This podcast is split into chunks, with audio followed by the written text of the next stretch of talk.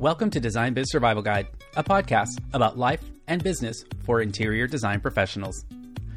My name is Rick Campos, and this podcast is my response to a design community eager to support, share, and inspire one another.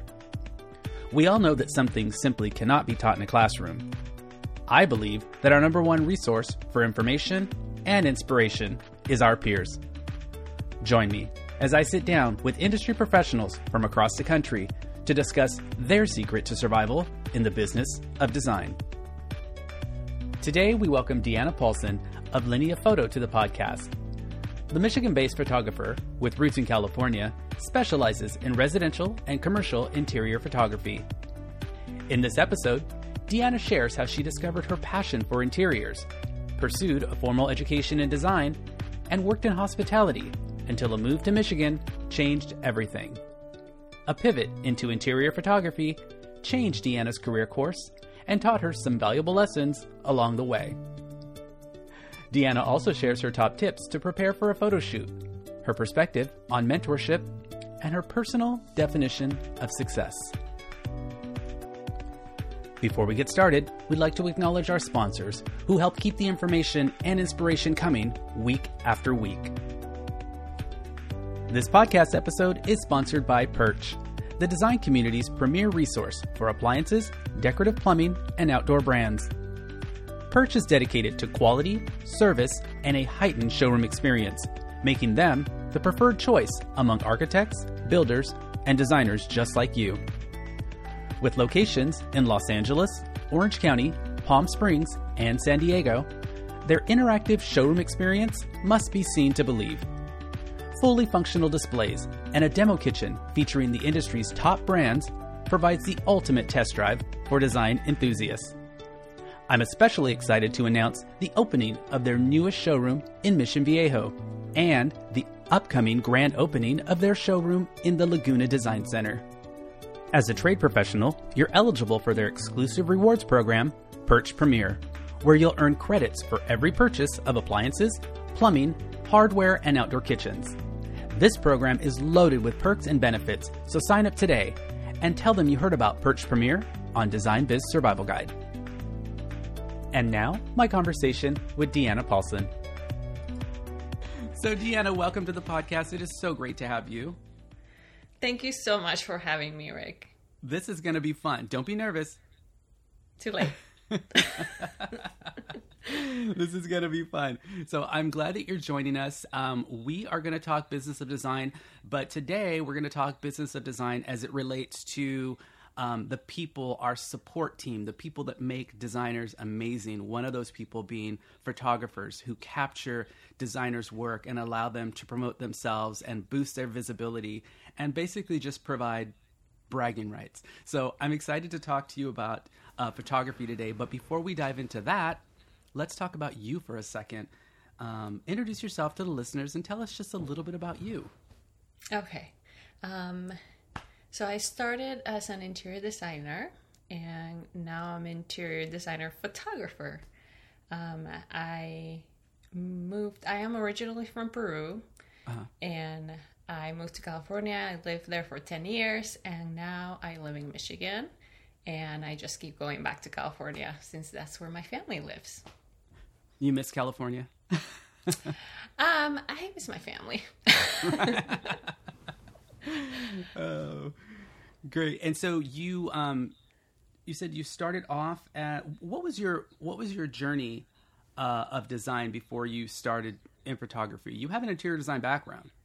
hmm Um, it was a long, bumpy journey. Um, it was smooth for a little bit. I was going to school for graphic design um, and then that is the time where I found HGTV.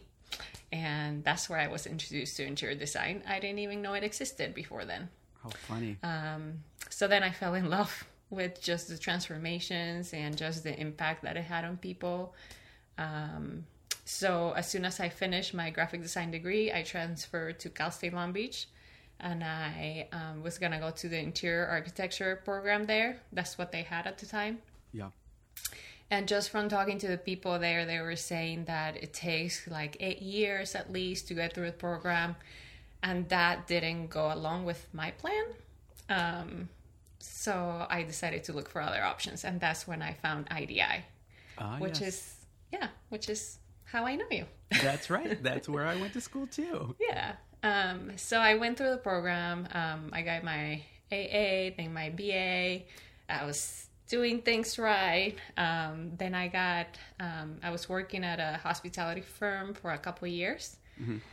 And then, um, and then I moved to Michigan. Um, Wow. Big change.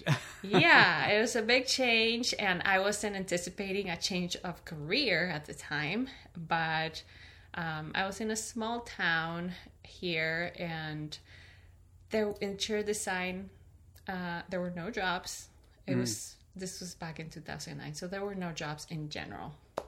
True. But True. um, yeah, there were no jobs in interior design, so that's when I picked up my camera, and um, just as a hobby first, right. and then um, I just started shooting portraits because that's where that was the demand. So Right. I just went with it. Um, yeah, so I did that for a long time, um, and That- it was it's interesting. Let me stop you for a second though, because um, it's interesting that you said that you know you were in California, you went to school in California, Mm-hmm. and then you worked here in California, and then seeing the difference between California and Michigan, just the moving from one region to another, and seeing the the demand or the lack thereof.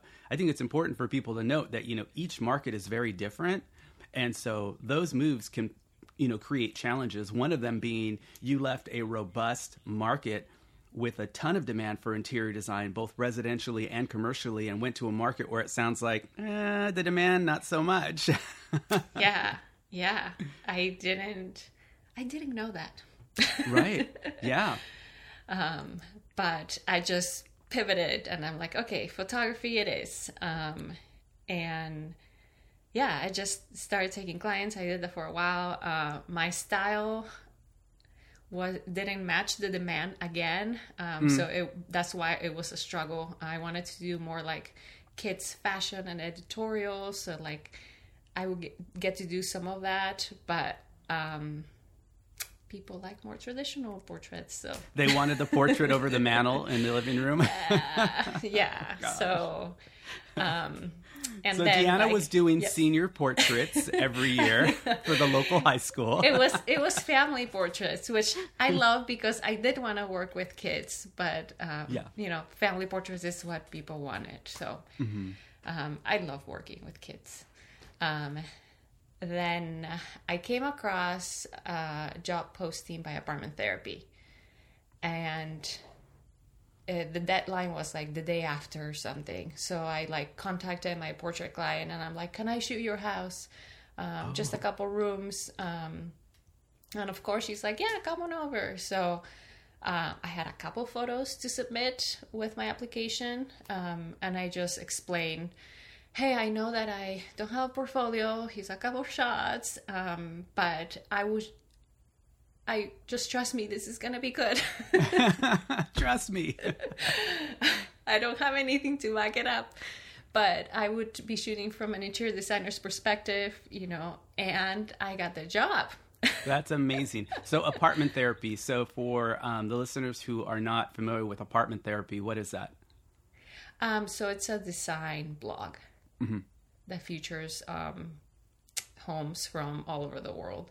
Um, it started out of New York, featuring um, apartments, but now it's all over the place, and it's not just apartments; it's homes too. I remember when it started in New York, it was really cool. Yeah. And so they were just looking for like freelance photographers, obviously, to just go around. They probably had a whole group of them. Yes, they were looking for photographers all around the world. So I was like, great, doesn't matter where I am. So that must have been fun shooting for apartment therapy because then you were allowed to see all different types of homes and spaces and environments. And it obviously got you back into, you know, that mode of interior design.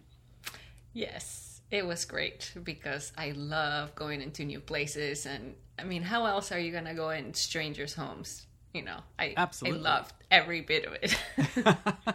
That's kind of one of the cool things about photography is I mean, think about it. You get to see a lot more finished, beautiful, amazing spaces than most designers because typically we're only able to see our finished projects. And if we're lucky, we complete, you know, three or four a year, depending on what scale uh, of design you work at. Whereas you get to see all different types of projects and styles and all of that good stuff. I do. I I love it. I love that about it. That is very cool. Very cool. So then after shooting for apartment therapy, did you decide, okay, I'm going to break out and start uh, connecting with interior designers and kind of formalizing that business of photography? Or did you feel like maybe I want to go back to interior design? Um, you know, believe it or not, I did not think about that. Um, it's just that people started noticing and they contacted me um, because they were seeing um, Detroit homes being featured Right. on like a worldwide site, um, and that was like uh, like I take a little bit of pride in that because before that, um, Detroit was not really on the map.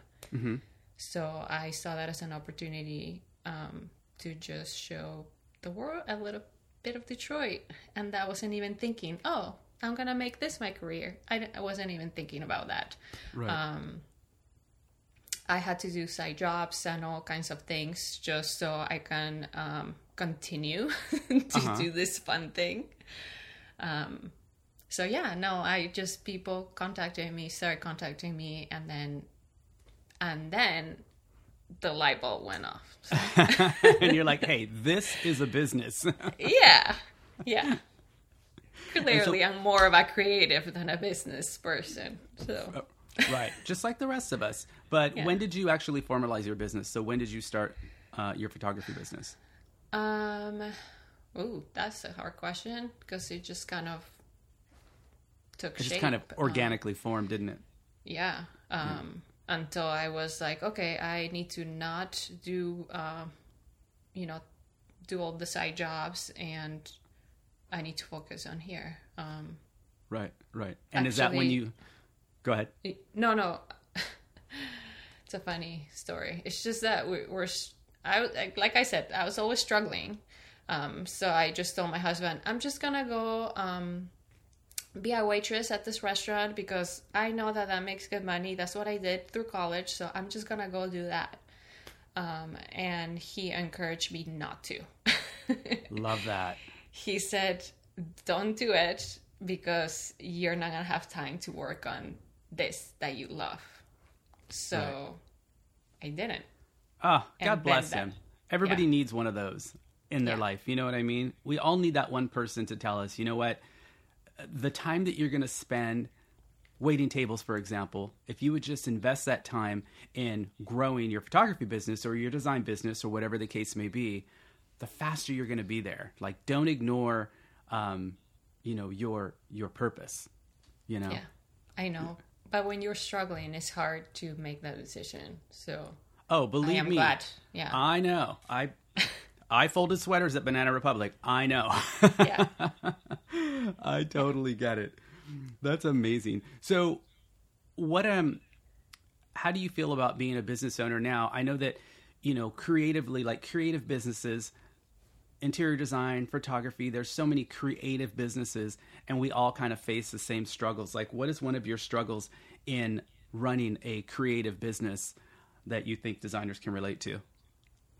Um, I think it's the fact that I'm doing what I love. So sometimes it's hard to stop it. Yes, to turn and it I off. just keep doing it, and I just, just that's all I'm doing. Um, so yeah, I need to be conscious about it and remember that I need to rest and I Yeah. need to stop. Yeah. we can definitely relate to that. Boundaries. We all need boundaries. well, let's dig into the photography a little bit more because I think one of the um, one of the great things of connecting with you and FYI, a lot of my listeners are going to be able to meet you in October because you're going to be our official photographer for Design Biz Retreat. So for those of I'm you listening, forward to it. that's going to be so much fun. I'm looking forward to it as well. And so, and then you'll get to come to California, which is amazing. So, for the designers listening who are going to be at the retreat, you're going to meet Diana in person and we can continue this conversation. But for everyone else, let's talk about some tips as mm-hmm. far as um, getting a project ready for photography because you've shot plenty of projects. Uh, and I'm sure you've been in many situations, either with designers, with stylists on board, or just all by yourself. But what are some tips that you can relate to the listeners to like get these projects ready to shoot so that everything goes smoothly and they get, you know, the most out of their investment? Yeah. Um, I think it's very important for the designer to set expectations with the client. Um, because usually, you know, like they've been working for a long time, you know, months or a year or two, and when they get together, I'm sure they want to talk all about the project or all things design, which is great. Um, but for the same reason, I think that um, they should not be at the house on shoot day, if possible. I agree. Um, yeah. So it's kind of like when we do our installations, we always ask that the client not be at the home while all yeah. the furniture is being delivered, and we're putting it all together. It's just uh, we're in our zone at that point. Yeah, yeah. So if possible, you know, if they can leave, that would be great. If they have to be there because they don't have anywhere to go, um, again, set expectations and just let them know that um, they can't interrupt. Because um, sometimes it's just the right moment for the light, and you just have like seconds to capture it. And if they are, you know, you need to talk to the designer, and if they're talking to them, then they can't talk to you. So, right. Um, yeah, and then also, um, you know, let them know how long is it gonna take, like if it's gonna be all day as usual, um, just so they know um, when it's okay to come in and they're we're not gonna be feeling like we're in the way. Um, right. Right. Yeah. Another thing is important. I think that they're not there is because we make a mess on shoot days. You know, mm-hmm. like the photo that we're styling is perfect, but behind us, everything is upside down. It's a mess. and that can be overwhelming, you know, for those type A clients, especially. Um, that's a lot. Um, yeah, especially when they've spent, you know, months, maybe years, waiting for this home to come to fruition and be finished to perfection, and then yes. we hand it over, and most of them never change anything. Yeah, to, to so to see it kind of turned upside down can be a little anxiety inducing for sure. Yeah, but if they leave and everything's perfect and then they come back and everything's perfect, then it's like nothing happened. Exactly. Yeah. and that's what we used to tell them. You'll never even know that we were there. I promise. But yes. just do yourself a favor and go to the spa or something. Just take the day off because I think by default, if they're there, they do want to kind of help or contribute, or at the very least, like you said, chat with the designer. And that's a distraction because whoever's is. there is there to work and focus and like every minute counts because like you said you're chasing the light and yeah. they don't get that yeah and it is a fun day i get it it's just a fun day like i would want to be there too because it's fun right right um, then another tip i would uh, say is that if you don't enjoy um, styling then hire a stylist mm. uh, they can be really great um, especially sometimes if we are photographing at the signer's home. Um, like you've lived in that space, so it helps to get a different perspective from somebody coming in and they just can see things fresh. Um, so a stylist is a, a good person to have on the team. How often um, do you, when you're shooting, is there a stylist present? Like, what percentage of your shoots have a stylist involved, roughly? Mm, that's a good question. Uh, maybe 20%. Uh, you know, for editorial, for sure, there's a stylist. And um, I would say architects also mm-hmm. Usually hire a stylist to help with those things. So, yeah, right. I would say maybe 20%. Interesting, because last year we had Michael Walters, who is a professional stylist and designer out of Palm Springs, and he spoke to our group um, about you know utilizing a stylist, what they bring to the table, and the value associated with that. And actually, a couple of attendees had used his services for their own photo shoots as well, so they were kind of like a testimony to um, the benefits of bringing a stylist on board. And it was kind of an interesting conversation because half the designers were like, "Oh yeah, I totally get it," and the other half were like, "What? I can't do my own flowers. I can just bring a blanket and a bowl and you know some flowers and I'm ready to go." But it's like so much more than that, and that's not everybody's jam. So it's like, you know what? Like we tell our clients, leave it to the professionals. Yeah. And I, I know it depends on the maybe the budget too, depending on yeah, depending on the project. It doesn't Yeah. have to be always, you know, that you get a stylist, but maybe some projects you should. We're taking a quick break to recognize another one of our partners who helps keep the information and inspiration coming week after week. This podcast episode is sponsored by Design Manager, the design trade's most reliable project management, purchasing, and accounting platform. The business of design is complex and requires solutions developed specifically for our industry. Design Manager has invested decades responding to the needs of interior design professionals and continues to deliver innovative tools to manage your design business with efficiency and profitability in mind. Visit designmanager.com to start a free 30 day trial of the tool trusted by top interior design firms across the country. All right, what other tips do you have? Um, let's see. Um, I would always ask your photographer about the plan. Um, at the beginning of a shoot, I always like to get together and just let the designer know or the stylist, you know, what the plan is. Like, usually I go based on the light, um, and I just tell them, oh, this is, I'm gonna start here, then go there. So then they can always, you know, be getting ready a room um, or two ahead of me. So then we can just keep going.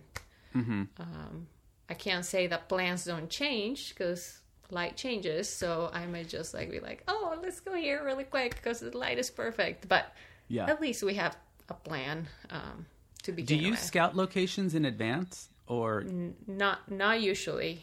Um, But do you recommend that the designer? I've I've worked on photo shoots where the designer has gone the week before or even a few days before, and they'll scout it. They'll take some snapshots with their own phone to understand where the light's going to be, and then they do create this list of okay.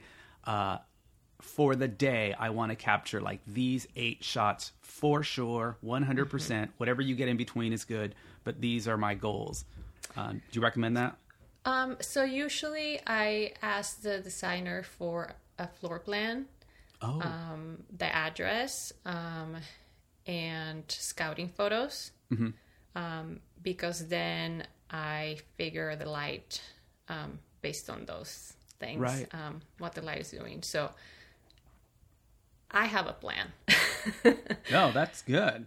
What are some of the most challenging um, shoots that you've had? Like, is it is it coastal? Is it uh, vacation mountain? Is it small apartments, small spaces? You know, because sometimes the larger homes have their own challenges as well. I mean, I mostly worked on coastal residences, and so they were nice and big and beautiful, but that light that we talked about earlier gets pretty severe, and it's not very forgiving. yeah. Um, wait, before I go on there, I have one more tip. Oh yeah.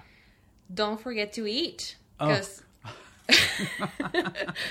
on shoot day everybody's running around and we're having so much fun until it's like two o'clock and then we're all dying so don't Right. forget to eat like you can always um, send an order like the day before or something for everybody but yeah don't forget to eat That is a really Uh, good tip. You're right because you know you've got to be on your game, and everybody gets tired, and you forget. It's like install days for us. Same thing. Like Yeah. I had a routine on installs where I'd always have I'd, I'd stop at the grocery store on the way to the install. I'd pick up a case of water so that everyone has plenty of water, and then of course people had special requests. We'd always send somebody to Starbucks, but I have like a box of breakfast bars and just snacks and nuts and things like that, so that you know you don't run out of fuel. yes because we do um, so to your next question um, challenging shoots. Well living in michigan um, has been wonderful for that because we get all kinds of weather all kinds of light. Mostly we don't have light most of the year. So um, I love it because it has helped me to get better at light or lighting and um, just watching. Just I love watching the light. I know it's a weird thing to do, but I love watching to see what the light does and then yeah. trying to recreate it when it, it when it isn't there. Um, so yeah, those um, houses over the lake here, like um, like in front of the water. Yeah, you're right. At sunrise, it is it is very strong light, and it's going on the on the roof, you know, because it's reflecting on the lake and going up. Um, is the challenging situations get me going too because it's like a challenge, you know. That I'm like, okay, Right. how am I gonna how am I gonna work around this? So Michigan is great for that. Right, right. it's all about the and, light. And it is different. The light here in Michigan is different than the light in California. Every you would- photographer says that. Yeah. Every photographer says that the light in California is completely different. And it's funny. I mean, you and I chatted for a second before we hit record, and we were talking about retreat uh, next month. And you were like, How's the light? What's it going to Mm-hmm. Yeah. be like when I'm there? Do I need to bring a flash? What am I going to need? I'm like, It's California. It's amazing all the time. Yeah, little I, little rooms are the trickiest. Um, powder rooms are my favorite, but they're the hardest to shoot. Um, I don't know, You know, how you guys do that. yeah, there's a mirror, and it's like you can barely fit a tripod. Usually, I'm over the toilet. You know, Right. all that's probably a lot of my BTS is just me in the toilet. Um, Right. Oh my gosh, that's funny. they're fun challenges.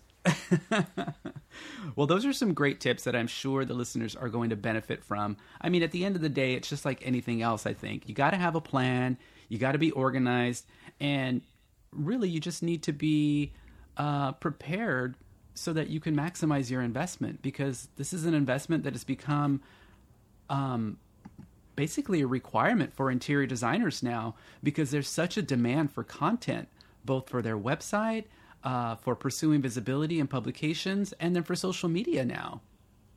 Yeah, I agree. And then it is such an honor that, you know, we as photographers that we get to do that, that we help them, um, designers, build their business. So it Yeah. is a it's a pretty big job. You're part of the team, Diana. You're part I of the team. I know. I love it. Well, listen, Teams. Yes, go team.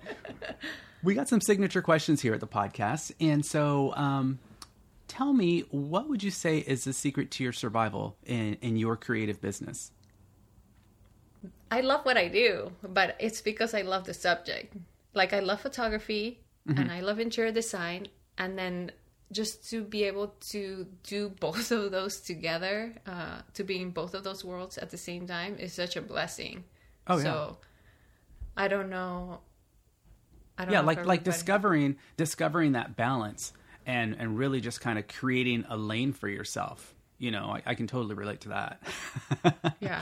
you know sometimes we have to think outside of the box and just create a lane for ourselves and um and in your case it's a combination of interior design and photography and you're able to to establish a balance and and pursue something that includes both interests and passions But I guess I feel I don't feel like surviving. I don't feel like I'm surviving. I feel like I'm living my best life. you're, you're thriving yeah, like what? How do I get to do these things? Like, what did I do to deserve it? yeah You know, it's That's Yeah. amazing. That's amazing. I love that answer. I love that answer. thanks.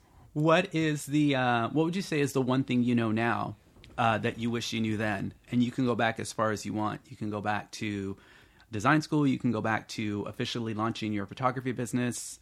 What is something that you know now that you wish you knew back then that you think would help kind of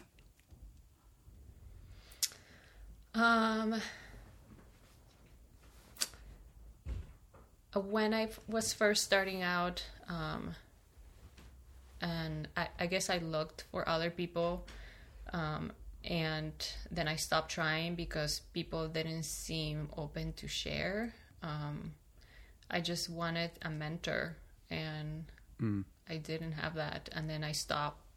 I just stopped asking because there didn't seem to be people willing to. So I guess um, I would say just keep asking because there's somebody there that wants to help out, that wants to give, um, even though you know the people that you asked at the beginning may not be. So there's Yeah. always somebody who wants to. I love that. It's because it may seem like no one's willing to share, but you're right. Like, never stop asking because as we've proven through this podcast and my entire platform, is that there's an entire community of creatives out there designers, photographers, graphic artists, everyone who are willing to support others and elevate others and share information. Uh, this concept of community over competition it's so prevalent and it's so refreshing. I just love it. Yeah, and like um, our industry is so small. Um, like when um, I think because of this, I proactive in reaching out to people. Like um, when I hear somebody else's um, you know, starting out, and some sometimes I don't know how they take it, if well or not. But because I don't see them as competition, I'm like, hey, I just want to let you know, like you know, and I go straight into like talking pricing, which nobody does, I think. Uh-huh. Um, and I think maybe that might be like, whoa, I don't know how to take this, but like, hey, we're all on the same team, you know. Like if you win, I win, we all win. So Totally. Totally. Yeah, they're probably shocked to hear from you like, "What?" yeah, That's great. That's great. And um Diana, what would you say is your definition of success? So that's kind of a new question that I've added to the podcast because it's a conversation that I've had with a lot of designers uh, this year, and uh, I, I think it's a good question. What is your definition of success in in life? Um, that's a good question. Um,